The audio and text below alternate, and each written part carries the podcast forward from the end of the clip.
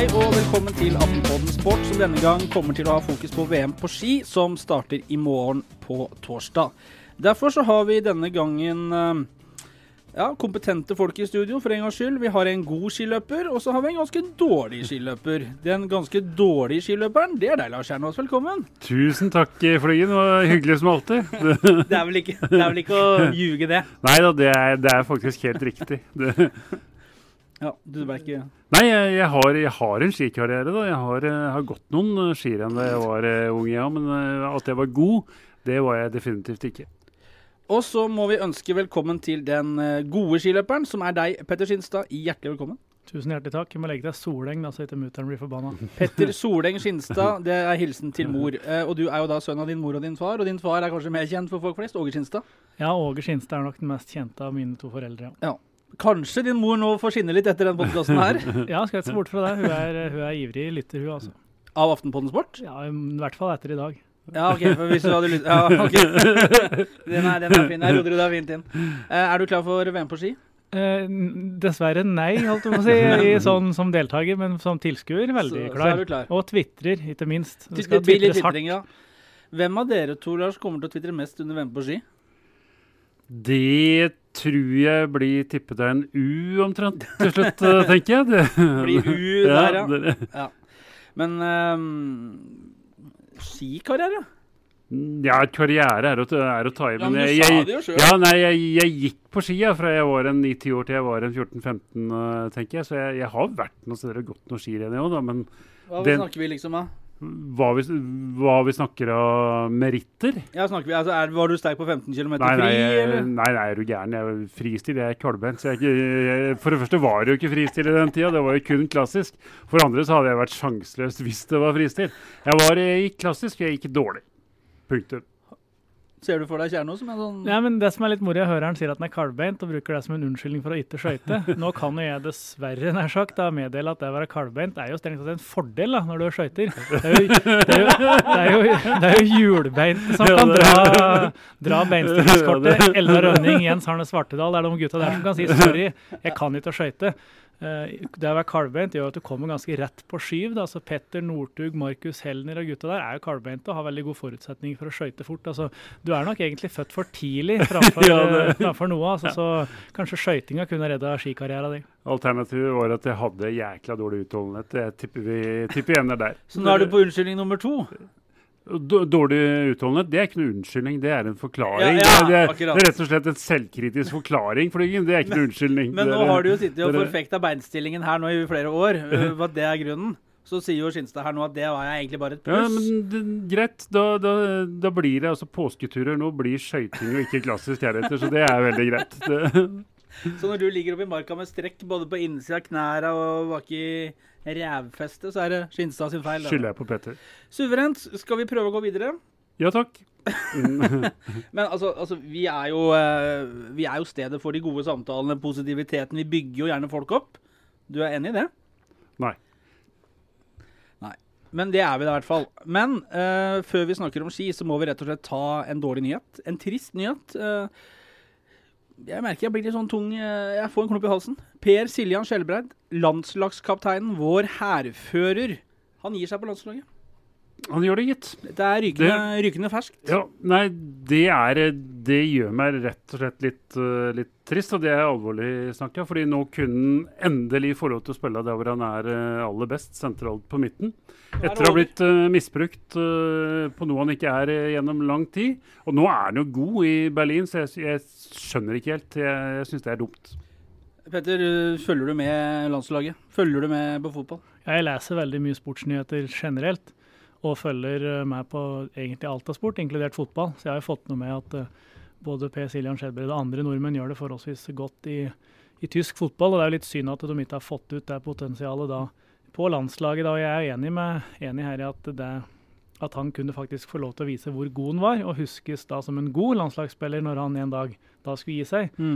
Syns jeg var litt rart at han ikke ville benytte seg av den muligheten. Da. Men det er kanskje, han har kanskje fått beskjed om at han ikke kommer til å få den muligheten så ofte, da, eller at det ligger noe mer eh, bak der, uten at vi skal spekulere altfor mye der. Jeg tror unnskyld, eller forklaringen, grunnen var at han ville se mer til familien. Men det er ikke det litt pussig? For det er jo ikke landslagssamling ukentlig. Er det ikke fem ganger i året nå? noe? Ville ha lengre, ville ha lengre ferier, skjønte jeg var en del av det Ferier, òg. Men nå er det, har det vel ikke vært noe sånn utprega fare for at du ikke får noe korte ferier hvis du har vært norsk landslagsspiller de siste året, for å være litt stygg. Ja, han, var redd, han var redd de skulle bli for gode. Så, så, så, Så mye mesterskap Ja, det- mye samlinger. Han var ikke klar for det mesterskapsrushet som lå og venta nå, nei. Nei, jeg ser ikke helt problemet der. Det, Men 29 år, da. 43 landskamper, og så er det slutt. Det er jo eh, Det hadde jo vært mulig å tyne av den karrieren litt mer. Hadde jo en tre-fire år til, i hvert fall. Et par mesterskap til, liksom. Ja, jeg er du gæren. Nei, ja, som sagt, han er, han er god. Han er på høyden av karrieren sin. Så jeg, det, det, var, det var noe skit, rett og slett, at den nyheten kom. Skit, faktisk. Ja. Det var sånn Lagerbäck-svorsken som dro inn eh, det. den dro inn.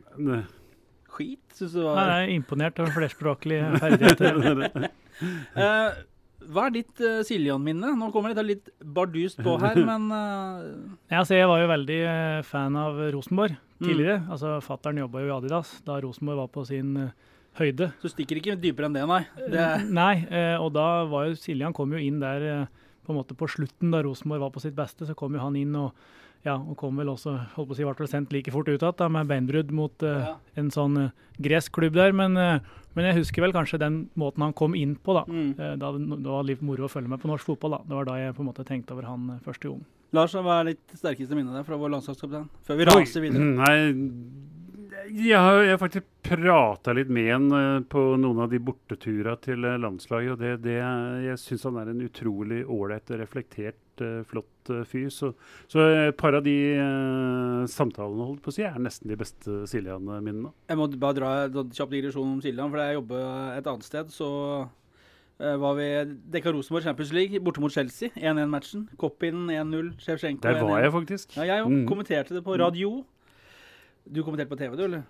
Nei, jeg satt på tribunen. Satt på tribunen. Mm. Hvert fall så husker jeg vi skulle lage sak da på det Chelsea-laget til Abramovic og liksom de rubelmillionene som han spytta inn i det laget. Og da sammenligna vi hva Rosenborg var verdt, og hva Chelsea var verdt. Og da var spørsmålet til Siljan liksom Ja, det, det er, de er jo verdt litt mer, disse. Dette rubellaget, da. rubla til han Roman, Roman Abramovic. Og da sa Siljan ett pund den bruker England, da. Ble ikke helt var ikke kjempe, Men, men hvis jeg får lov til å legge til en liten Rosenborg-historie Ja. For jeg har da vært på én Champions League-kamp i hele mitt liv.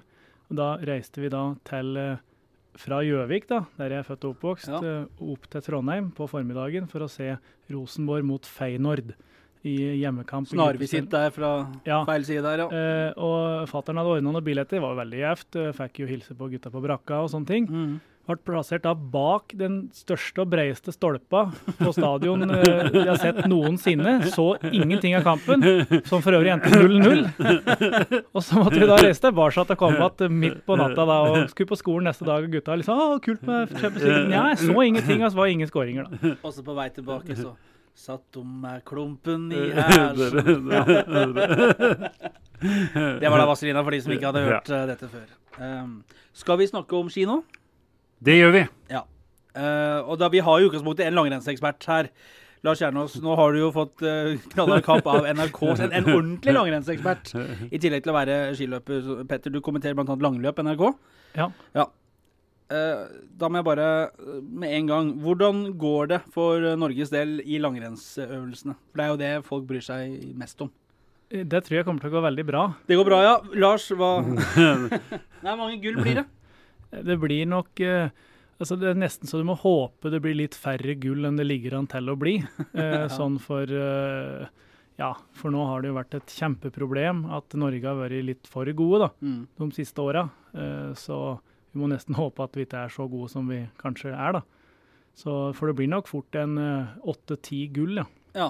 Det er jo på skjemaet som i Falun, der, hvor det var, var det fire på herresida og fem på damesida. Ja, noe sånn. Så Ja. vi matcher nok fort det. Altså, Ja. Du vet jo aldri. Det kan jo ja, det kan jo smøres bort ski, folk kan knekke staver, folk kan bli sjuke Ja. etc.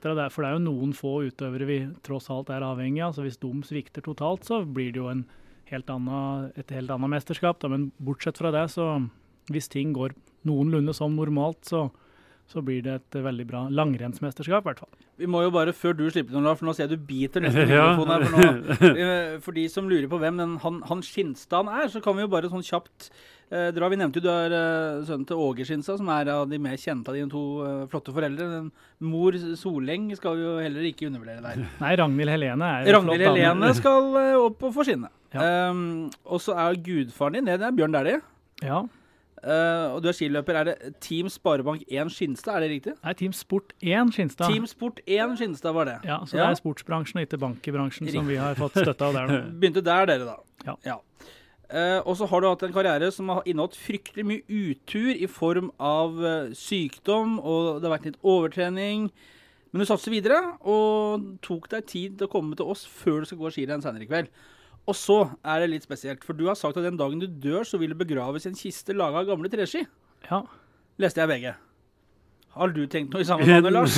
Nei, jeg har ikke tenkt så langt, uh, gitt. Dere Men du er, det, det er du er sånn skiromantiker i deg òg? ja, jeg er født og oppvokst med langrenn eh, tett innpå meg. Jeg fikk jo da eh, ski og kondomdress i dåpsgave av da Bjørn Dæhlie.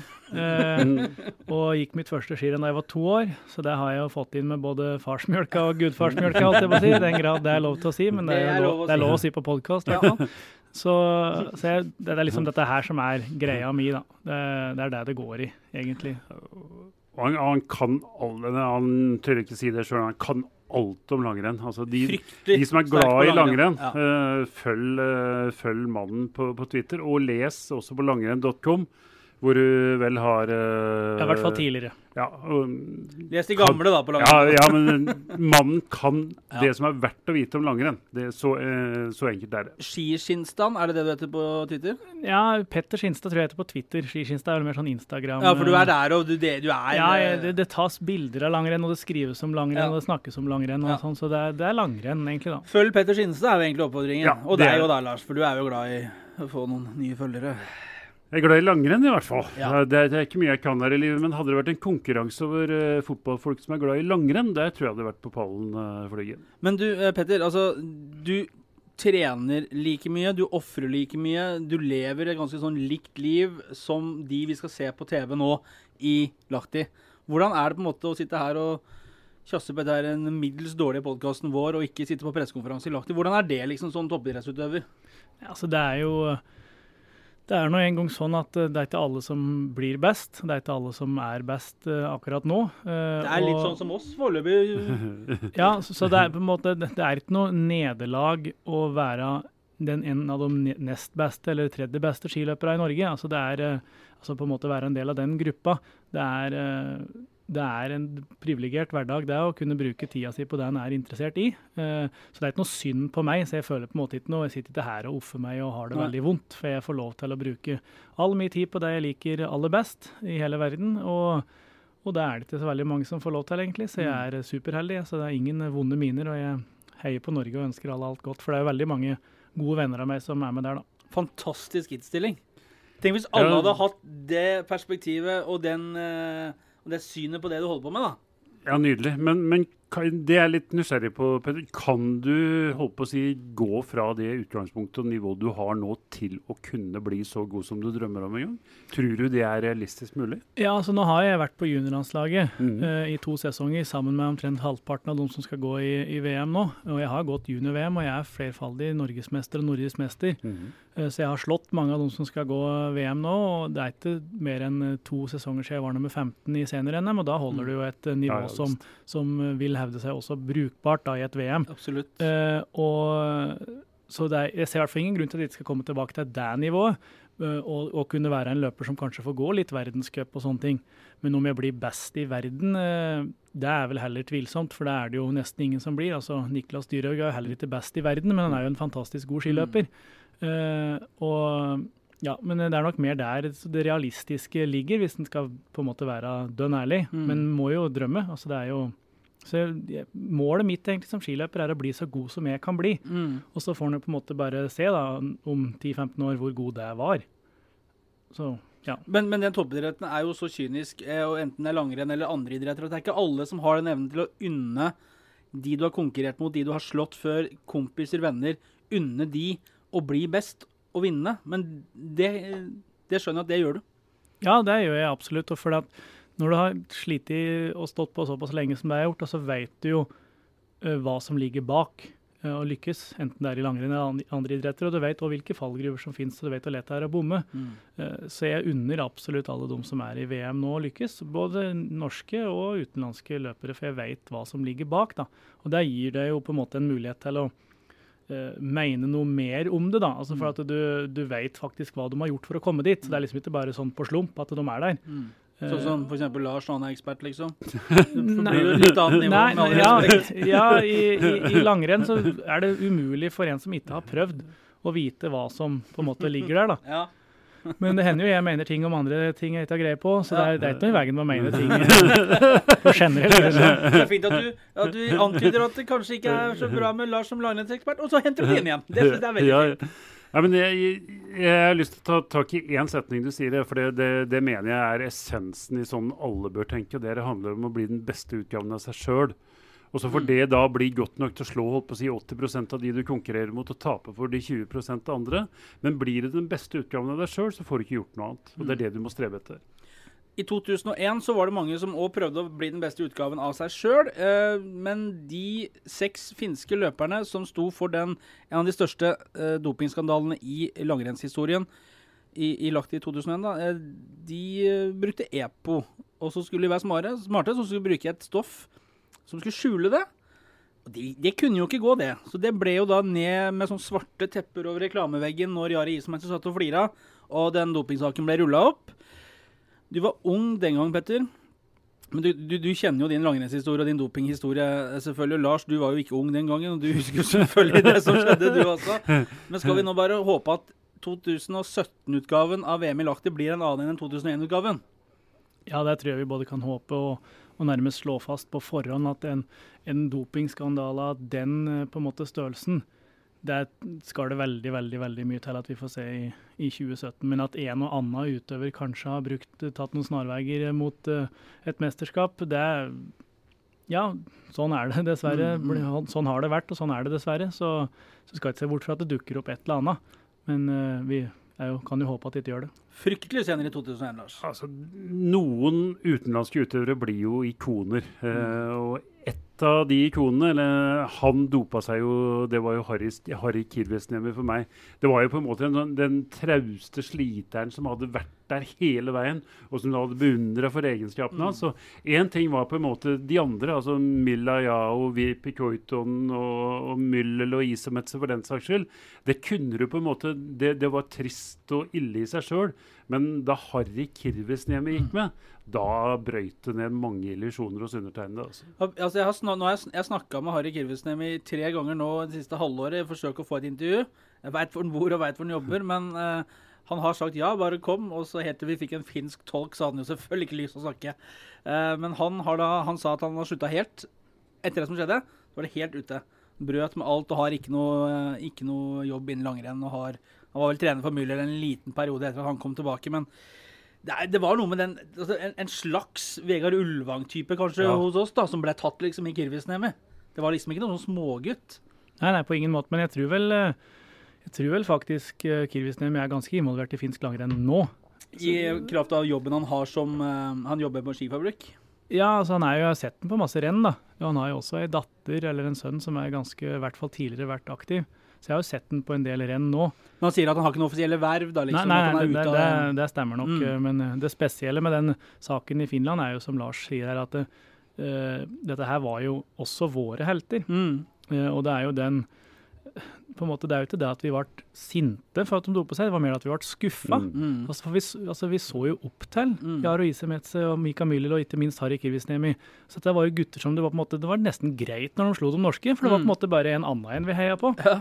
Uh, og, og, jeg husker jo også at jeg ble veldig veldig skuffa, for det var jo på et tidspunkt der jeg vokste opp og hadde forbilder i både inn- og utland. og, og plutselig så kom det fram at teltene mine juksa. Mm. Uh, og jeg var jo faktisk til stede på sommerskiskole i Meråker i 2003, da Mika Myllylä var på en sånn uh, skandinavisk turné.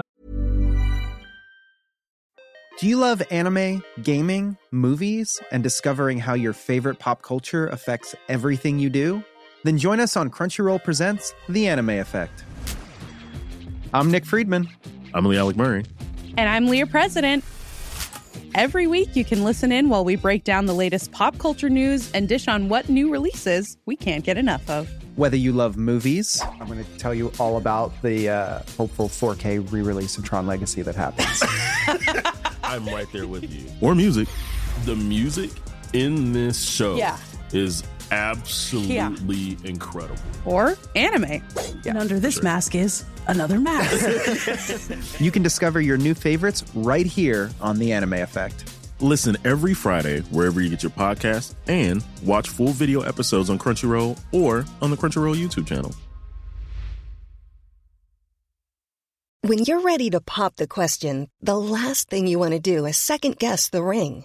At Bluenile.com, you can design a one of a kind ring with the ease and convenience of shopping online. Choose your diamond and setting. When you find the one, you'll get it delivered right to your door. Go to Bluenile.com and use promo code LISTEN to get $50 off your purchase of $500 or more. That's code LISTEN at Bluenile.com for $50 off your purchase. Bluenile.com code LISTEN. Flexibility is great. That's why there's yoga. Flexibility for your insurance coverage is great too. That's why there's United Healthcare Insurance Plans. Underwritten by Golden Rule Insurance Company, United Healthcare Insurance Plans offer flexible, budget friendly coverage for medical, vision, dental, and more. One of these plans may be right for you if you're, say, between jobs, coming off your parents' plan, turning a side hustle into a full hustle, or even missed open enrollment. Want more flexibility? Find out more about United Healthcare Insurance Plans at uh1.com. Life is made up of many gorgeous moments. Cherish them all, big and small, with Blue Nile. Whether it's for yourself or a loved one, Blue Nile's unrivaled selection of expertly crafted fine jewelry and statement pieces help make all your moments sparkle. Blue Nile's experts are on hand to guide you, and their diamond guarantee ensures you get the highest quality at the best price. Celebrate a life well lived in the most radiant way and save up to 30% at BlueNile.com. That's BlueNile.com. nærmest for å forklare og unnskylde og, og beklage. De hadde nok ikke helt regna med at en 11,5 år gammel, nei, unnskyld, 12-13 år gammel Petter Skinstad skulle reise seg opp i auditoriet og spørre hvis du var så god før, hvorfor trengte du plutselig å begynne å dope deg til VM på hjemmebane? Kan du ikke bare innrømme at du har dopa deg hele veien?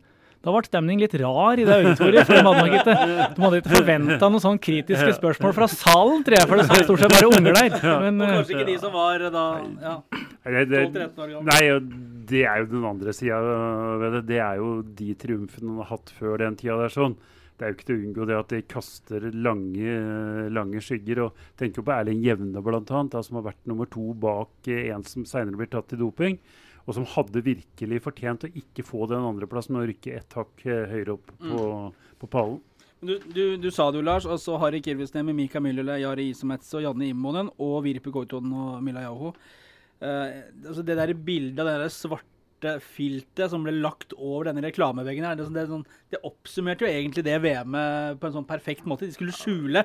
Ingen sponsorer ville være ved Kjenne seg selvfølgelig Ja, så mye rare dekkhistorier Ja, ja, som ja. går igjen med hvor, hvor først da Imon brekker en stav i ett renn, og så brekker han en ski i et annet renn, Ja. og har fått beskjed om at den ikke må komme til mål. Ja, for da blir han testa. altså. Det er alle de der eh, Kokkeli Munch-historiene som Jeg husker det faktisk fryktelig godt den dag i dag. Og den badstueavtalen, Ja. kontrakten, og det var uh... Fattern sto jo i målområdet der som kommentator den gang, og han Janne Imon, da han kom i mål på det ene løpet, jeg tror det var etter stafetten, så drakk han en 14-15 glass med sånn sportsdrikke i Morgenbladet Sto bare og styrta glass nedpå helt sånn febrilsk for å på en måte prøve å vatne ut eller skylle ut. Eller, så det var, var liksom rimelig tydelig at det var et eller annet som ikke var helt på, på stell. da. Ja. Eh, Så jeg tror den stemninga rundt der var ganske spesiell. Jeg har jo en del finske kamerater nå som er aktive skiløpere, bl.a. en som heter Heikki Korpela, som har flytta til Norge den sesongen her for å bli en bedre skiløper.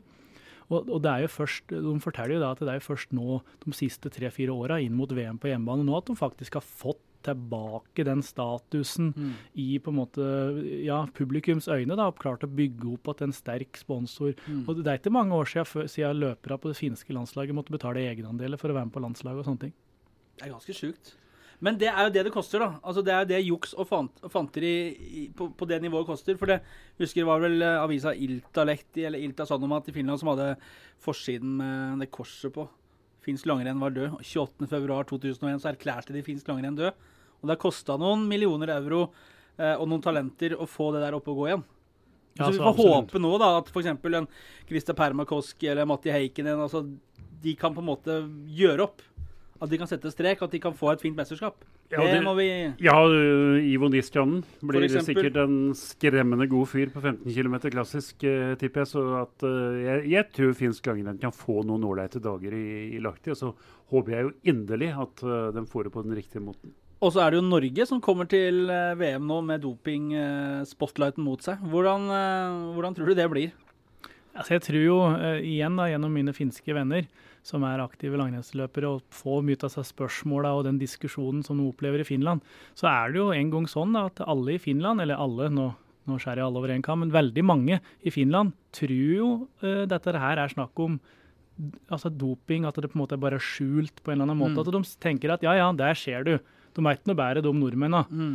Eh, så det, de vil nok få enkelte reaksjoner fra, fra særlig publikum, da, men ser også aviskommentatorer og Mm. media i Finland har jo vært ganske tydelige på at eh, de eh, mener at det her er noe mer. Så, så det kommer nok til å bli litt sånn eh, ja, Norske prestasjoner vil nok ha en sånn liten bismak. da. Ja. Og da passer det jo fint, Lars Kjernås, for at om det ikke på en måte oppladningen sånn sett har vært kronglete nok med de dopingsakene til, til Jonsrud Sundby og Johaug, så har jo Vidar Løfshus nå, altså sportssjefen, prøvd å gjøre så godt han kan for at det skal bli enda mer kok.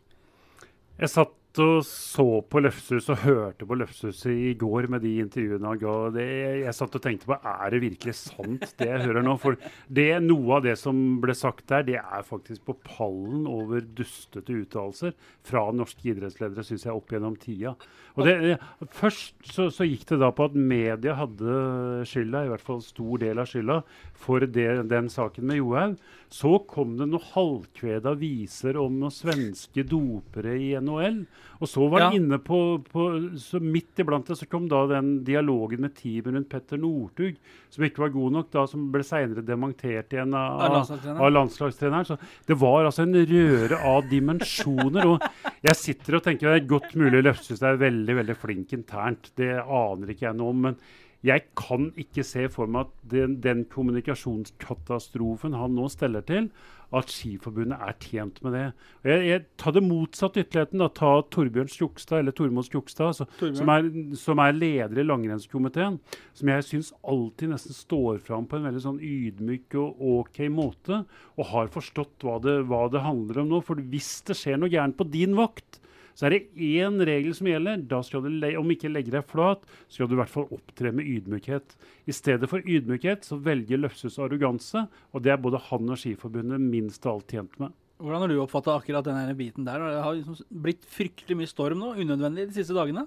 Ja, altså jeg, det må jeg bare legge til at jeg skjønner på en måte hva Vidar reagerer på. og Jeg på en måte følger argumentasjonen hans. Men én ting er å sitte og diskutere på en måte rundt bordet med løpere, men å gå ut sånn som han har gjør, gjør der, altså det er jo helt latterlig. Altså jeg lurer på, altså For det første, har han aldri lest ei avis sjøl? Eller altså har han aldri altså, det må jo være, Du skjønner jo du på en måte, du skjønner jo hva som kommer etter dette der. Og for det andre, hva i all verden er det på en måte det presse, altså pressesjef og på en måte det støtteapparatet? Det, det, altså, hvorfor tok de den ikke bort? på en måte? Altså, hvorfor ble det ikke klargjort på forhånd? Du kan jo ikke holde på sånn. Ja. Altså, bare, bare det på en måte bare det at når de begynte å reservere plasser til Ja. Welhaven og Petterson og, og Ernstad på, på første rad der, bare da burde noen sagt hei, hei, hei, hallo, hallo, nå, dette her- blir bare tull. Altså, det, det er på en måte en artig, ja, en artig poeng. Altså, det litt sånn humor i dette, men hallo, hallo, nå har vi fokus på VM. Nå har vi en mulighet til å få fokus bort fra det negative og over på det positive. Så kjører vi ydmyk og grei linje. Vi kan synes at media er noen rovdyr og noen idioter og som har en agenda etc., etc. Men der lar vi ligge. Vi kommer ingen vei med å ta det sånn. Altså, jeg, jeg fatter det ikke. Jeg, jeg ble helt sjokkert. Kanskje, ja. Altså, det er litt sånn som vi har vært inne på noen andre ganger. Han tror på en måte, han legger det til grunn at media skal være en heiagjeng. Og media er ikke noen heiagjeng. Medias oppgave er å referere til det de mener er sannheten. Kan du være uenig om hva som er sannheten, men det er medias oppgave. Punktet. Ja, og så er det noe sånn at hvis du, vil, hvis du vil ha en venn, så er det dumt å kalle han en idiot. altså, eller, eller på en måte, du kan, ja, men du kan jo ikke regne med at media skal behandle deg noe bedre, i hvert fall når du sier du kan ingenting. Ting. Du er dum, Mm. du er frekk, du er forutinntatt. Altså, altså, åssen skal du Det er å helle bensin oppå en bål som allerede brenner godt. ja, men Det er jo ikke bare å helle bensin. Altså, det er jo helle bensin og diesel og olje. Altså, den står jo, kaster jo på det som er. Og tidenes dårligste timing. Fryktelig timing. To, altså skap, han velger å skape et fiendebilde to dager før løperne hans skal ut og prestere et mesterskap. Det, er altså, det, er, det er så borti natta at jeg trodde rett og slett ikke det var sant. Og der kan jeg bare si, det, for å på en måte runde av hele greia her, at altså, jeg støtter Skiforbundet i det aller aller meste. og Jeg har stått litt i vinden, og det har jo bl.a. Lars sett på Twitter og sånne ting, og på en måte prøvd å forsvare dem et- i det beste, etter beste evne, både Johaug og Sundby-saken, og forklare at ting er nok ikke riktig så svart-hvitt som det enkelte medier ønsker å framstille det som. Mm. Eh, og, så jeg syns egentlig ikke de har gjort så mye i feil på en måte i sjølve de saka, og de gjør veldig mye riktig og gjør veldig mye bra, fortjener masse ros. Men den kommunikasjonsbiten som har begynt ifra Sundby-saken, og den på en måte sporet de har altså Det er jo ikke bare blindgate, altså det er jo mye verre enn det. altså De har jo forvillet seg inn på et sånt spor som kommunikasjonsmessig er helt ute å sykle, og det er der egentlig skoen trykker nå. da.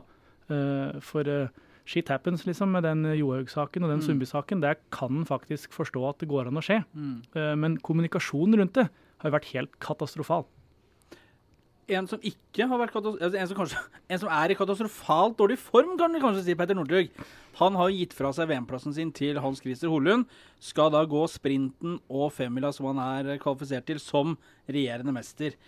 Eh, Men jeg vil tro at det sitter en del hundre tusen nordmenn rundt om i de mange hjem og syns dette er litt kjedelig at ikke Northug er med og skal gå alt og bare hanke inn gull. Jeg innrømmer gladelig at er det et skirenn hvor eh, det er tre nordmenn helt i front, og Petter Northug er nummer 30 i den køen, så ser jeg først etter nummer 30 i køen. Sånn er jeg bare lagd, for han er superstjerne etter langrenn. Og det, ja, han kommer til et VM nå hvor forventningene er ekstremt lave, men jeg må jo innrømme at jeg har ikke helt gitt opp det der håpet om at han greier med det konkurransehuet sitt å og skape et eller annet lite under på den sprinten i morgen også. Er det lov å håpe på Northug-gull? Ja, på sprinten så tror jeg du kan eh, han kan berge på det som Lars nevner, der at det er faktisk mulig at hvis han har helt topp ski, en helt topp dag, med de fartsressursene han har, den erfaringa han har, det kløktige huet han har, så kan han faktisk ta medalje og til og med gull på sprinten i morgen.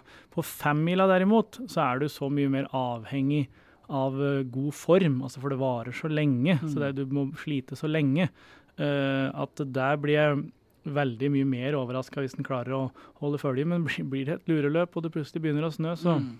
det har skjedd eh, større under før.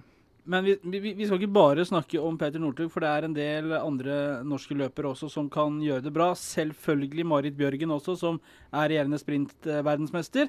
Vi har Martin Jonsrud Sundby, vi har eh, Heidi Weng, vi har Johannes Klæbo, som kanskje er det morsomme innslaget denne gangen. Kommer som en sånn der, Folk har kalt det en mini-Northug, men det er jo en Klæbo. Ja, altså han har for øvrig en liten bror, en lillebror, Klæbo, som er klin lik uh, seg sjøl. 100, altså Det er sånn latterlig hvor likt han er. Ja. Så han, eh, vi bør heller fokusere på hvor lik han er bror sin, enn Ja. hvor lik eh, Klæbo er Northug. For det er to forskjellige personer, og han står sterkt nok til å kunne, til å kunne på en måte ha sitt eget navn. Eh, Men det er jo umulig å ikke dra noen paralleller. altså Mm. Måten den kommer inn på, hvor Mm. ungen er, måten går på, sånne ting. Men, eh, men jeg syns faktisk vi skal respektere fyren såpass at, eh, at vi kaller han Johannes Høsflot Klæbo, som han da heter. Skal vi først sette et stempel på han, så syns jeg det er 70 Northug og 30% Thomas Alsgaard i, i det han gjør. Jeg syns liksom det elegante måten å gå på ski på er litt Thomas Alsgaard, samtidig som det går fort. Og så har han på en måte rykk og det der enorme energien til Petter Northug samtidig. Elgen, som Jon Hervik Karlsen kalte Alsgaard, Alsgaard. Var, eller- Alsgaard var nydelig, rett og slett. Det var estetisk å se på Thomas Alsgaard. Var det ikke Elgen han? Var ikke det 2003 Val di Fiemme der, når de Jo, hvor han Tok tok igjen, tok igjen eh, Christer. Hvem er- hvem er dette da? Nei, ikke, ikke ikke, ikke, ikke, ikke Christer, men uh, Christer Maibekk var, uh, var i 92, Var det, hvor, eh, før, ja. hvor, eh, hvor de knuste den på andre etappa i stafetten. Jeg sto på stadion i Val di Fiemme i 03. Ja. Trodde jeg skulle gå helt berserk. Altså, Ja. det, var, det det sjukeste jeg har opplevd eh, Ja, på stadion, i hvert fall som skiløper. Det Ja. var, eh, det var For du, i stadion i Val di Fiemme, det foregår liksom oppi ei sånn åsside som du ser nede fra stadion der. og Så så liksom han blå i tet der. altså Alsgaard og Teichmann bak der. da, og Så tenkte jeg liksom ja, ja det blir moro med sølv. liksom. ja. Eh, og så plutselig så skjedde det et eller annet. Og, altså, jeg, jeg tror bare jeg kyssa kameraten min én gang, og det var da. Men altså, vi har noen utenlandske løpere som, skal, som, som, skal, som er meldt på i VM. Uh, Stina Nilsson, eh, vi nevnte de finske. Eh, Kalla melder om form. Så har vi jo selvfølgelig Sergej Ustjugov, uh, ikke minst. Uh, Helner, Kalle Halvorsson. Er det Kan det mulighet her for oss? da? Jeg tror jo at Ostiogo må ha blitt eh, ganske mye dårligere siden Tore da, for at uh, Petters optimistiske anslag på 8-10 gull skal, skal gå inn. Jeg tror jo det blir trøblete å gå fram på alt som er av fellesstarter, og du tar den ikke i spurten. Så spørsmålet er om Martin Jonsrud Sundby har blitt så mye bedre siden Tour de Ski, eller han har blitt så mye dårligere at du rett og slett blir kvitt den. Det er det jeg er litt redd for, da. Skal vi sette over til eksperten, da? Ja, vi setter over til eksperten. Hvis du tar Ostiogo først, så tror jeg faktisk han hadde sin formtopp den sesongen her under Tour de Ski. Uh, når det er sagt, så ble han nummer to både i NM-sprinten og Eller to og to, han ble nummer to i rennet, i hvert fall. Og nummer to i OTP, så det tyder på at han er litt på gang igjen. Eh, men eh, eh, at Tour de Ski i år, med korte runder, knallharde kunstsnøforhold og ikke en centimeter snø utafor, forholdsvis lette løyper, korte fellesstarter, sånne ting, var som skreddersydd for Ostiogov. På det tidspunktet her var Martin ganske langt unna sin toppform. Og Martin er nå i mye bedre form. Så jeg tror vi har både en Ostiogo som kanskje er lite knepp svakere, vi har en Martin som er mye, mye sterkere, tilsynelatende i hvert fall. Mm. Og så har jeg også gått skirenn i løypen i Lahti, og det er noe helt annet som møter løpere der enn det som det var i f.eks. Tour de Ski. Er det hardere? Ja, de er veldig, veldig harde. Det er gode, gammeldagse langrennsløyper med tøffe bakker, tøffe flater. Altså, veldig mange tror at skirenn avgjøres i motbakka, men de avgjøres gjerne på flata etter motbakken. Den som klarer å opprettholde farta videre inn på flata. Og Det er der luken oppstår. Og Det er nok der Martin Sundby og co., holdt jeg på å si, som er avhengig av å avgjøre før spurten, er der de må gå ifra løpere som Finn Ågen Krogh, Sergej Ostjogov, Kalle Halvorsson og sånn. For oss som er ute og koser oss i marka, Lars, og nyter sola og stillheten der ute. Det er tungt når flatene begynner å Ja, det er, det er det tungt. Det er flatene ja, blir liksom, Og endelig kan vi stake Ja, oss rolig bortover flatene. Brutalt. Men nei, jeg, blir jo litt beroliget jeg nå, da. Men neste jeg er redd for, da Jeg må bli beroliget for faen. Jeg, Kalle Halvorsson syns jeg ser sterk ut. Han så jo jækla sterk ut i begynnelsen av sesongen, og nå syns jeg det så ut som litt i OTP den, på den sprinten, at han hadde litt av den der snerten igjen. Blir ikke han trøblete, Petter? Jo, han er potensielt veldig trøblete. Uff. Ja. Han er ikke vi men, glad i. men, han- men han er jo en mesterskapsløper, da. Altså, fyren har vel god ganske lenge uten å egentlig få til all verden i mesterskap. Eh, så, så det er jo ingenting som tyder på at han plutselig skal stjele alt, eh, alt eh, holdt på å si scenelyset og være helt eh, superstjerne nå. Men, men han er skummel, og svenske er gode til å toppe form. Svenske har en helt annen bredde enn det vi har i Norge, så de vet mye tidligere hvilke øl som skal gå. Så de eh, kan tillate seg å trene på en litt annen måte. Så han blir skummel. Og du glemte for øvrig å nevne Federico Pellegrino fra Italia, riktig, ja. som fort kan finne på å vinne første distanse da, Ja. og på en måte ødelegge åpningsfesten. Mm. Eh, vi skal bare egentlig være glad, Lars, for at Kalle Kviklund da måtte legge opp. Ja, det. Vi har nemlig hatt Vi har jo hatt det her gående. Vi har jo egentlig bare venta på at Kalle Kalle Kvikkelund skulle legge opp etter at Lars gikk forbi den ved Blankvannsbråten på gamle 50 km traseen her. Så, så han er ikke med, i hvert fall. Han er ikke med. Eh, I fare for å glemme noen, så må vi nevne noen til. Det er jo ikke bare langrennsløperne som skal i aksjon. Vi har kombinertløpere og hoppere. Det er fire kombinertøvelser og fem hoppøvelser, hvorav én for uh, damer. Uh, Tyskland dominerer kombinert, Lars, med Johannes Rydsek og Erik Frenzel. Kan Gråbakk grave fram noe? Jeg må tilstå at der håper jeg mye mer enn jeg tror. Altså, jeg syns tyskere har vært så ekstremt gode, og nordmennene har slitt så mye at kombinert medalje blir en, en hyggelig overraskelse. Jeg er ikke så kjempeoptimist på hopp heller. Jeg, jeg tror jo Maren Lundby tar medalje. Ja. Håper det i hvert fall. Men i, vi har jo et enmannslag, da. Mm. Både for, uh, si, for jentene og for gutta, Mm. dessverre, med, med Tande. Men, Daniel men det er klart at når det, når det er sagt, de har jo hatt en trøblete jobb, uh, Støkkel og, og gjengen der. fordi de har måttet erstatte hele det gullaget fra Falun. Enten fordi folk har lagt opp, eller fordi, eh, fordi nå eh, en skade med korsbånd på Kenneth Gangnes. Så det er klart det, det vil være ekstremt godt gjort hvis de klarer å bygge opp et lag igjen. Men jeg tror vi må stole på langrennsløpere. Altså, og det, jeg må jo tilstå det at etter, eh, etter alpin-VM og etter skiskytter-VM, så er jeg litt gullysten. Jeg veit jeg er en halvfeit middelaldrende og stappmett fyr, men jeg har litt lyst på gull nå, så Jeg tilstår det. Har du lyst på gull, da? Ja, jeg, jeg har veldig veldig lyst på gull. Og jeg, og jeg er enig i det at Maren Lundby, som for øvrig er fra Toten, da, så må jo framsnakke hun litt. Selvfølgelig. Uh, hun er jo en medaljekandidat. Mm. Jeg tror òg at uh, Tande kan jo glimte til og få til gode hopp og ta medalje individuelt. Det skal nok mer til at laget tar noen lagmedaljer. Og med Line Jahr ute på damehopplaget, Ja. så vil jo også det bli veldig krevende å få til en sånn medalje i mikshopp. da. Ja. Når det gjelder kombinert, så er jo det ofte bare ett hopp. Eh, og i ett skihopp så kan nesten hvem som helst, til og med Magnus Moan, ha flaks. uh, og når, hvis de norske har et godt utgangspunkt, så er det ingen som går fortere på ski. Mm. Uh, Ja, det, det er det, vet du, Jord. Altså, det, jo, hvis, du ser på, hvis du ser på Mikko Kokslin, du ser på Magnus Krogh, du ser på uh, Jørgen Gråbakk og Magnus Moen, hvis de gutta som er best på ski, får lov til å hoppe, og én av dem klaffer, da er det faktisk mulig. Men, men det er jo sånn hvis, at, om, dersom, da. Eh, For ganske mange mann. Så også der, på en sånn lagkonkurranse, så tror jeg vi skal se ganske langt etter Tyskland, da, som har det mannskapet. Men på de individuelle hopp og kombinertøvelser, så er det faktisk mulig å ha, ha flaks. Nå velger jeg å stole mer på Skinstad, for det Ja, høres mer oppløftende ut. Stort på, stort på Petter, både fordi han er mer optimist og fordi han har bedre greie på det. han kan det, du Det er vet jo- ja. Ja, Så er det, det, i hvert fall, det, Hvorfor er du egentlig her? Nei, det skjønner jo ikke jeg. Hvorfor er du egentlig? Det er tidenes spørsmål. Jeg fikk jo faktisk eh, Jeg jeg har faktisk fått det spørsmålet på start på NM. Jeg. Hvorfor er du her? Ja, Har Harald Tingnes i NRK tok en runde med deltakere før start på NM og sa Petter Skinstad, vi forventer ikke å se deg helt i toppen i dag. Hvorfor er du egentlig her? Og det var sånn Ja ja, takk, takk skal du ha. Det blir en fin tur, dette her. Fantastisk. Herlighet. Ja, vi er ikke fullt så frekke med våre gjester. Da. Glad for at du er her, Lars. Nei, men Skal vi krysse fingra, da? Petter, du må rekke et tog for du skal gå skirenn. Ja, klubbrenn på Wien. Må, må til. Klassisk eller skøyting? Skate. Skate. Skal vi ønske lykken til? Jeg er karbeint, det òg, så dette er bra. Ja, det blir bra.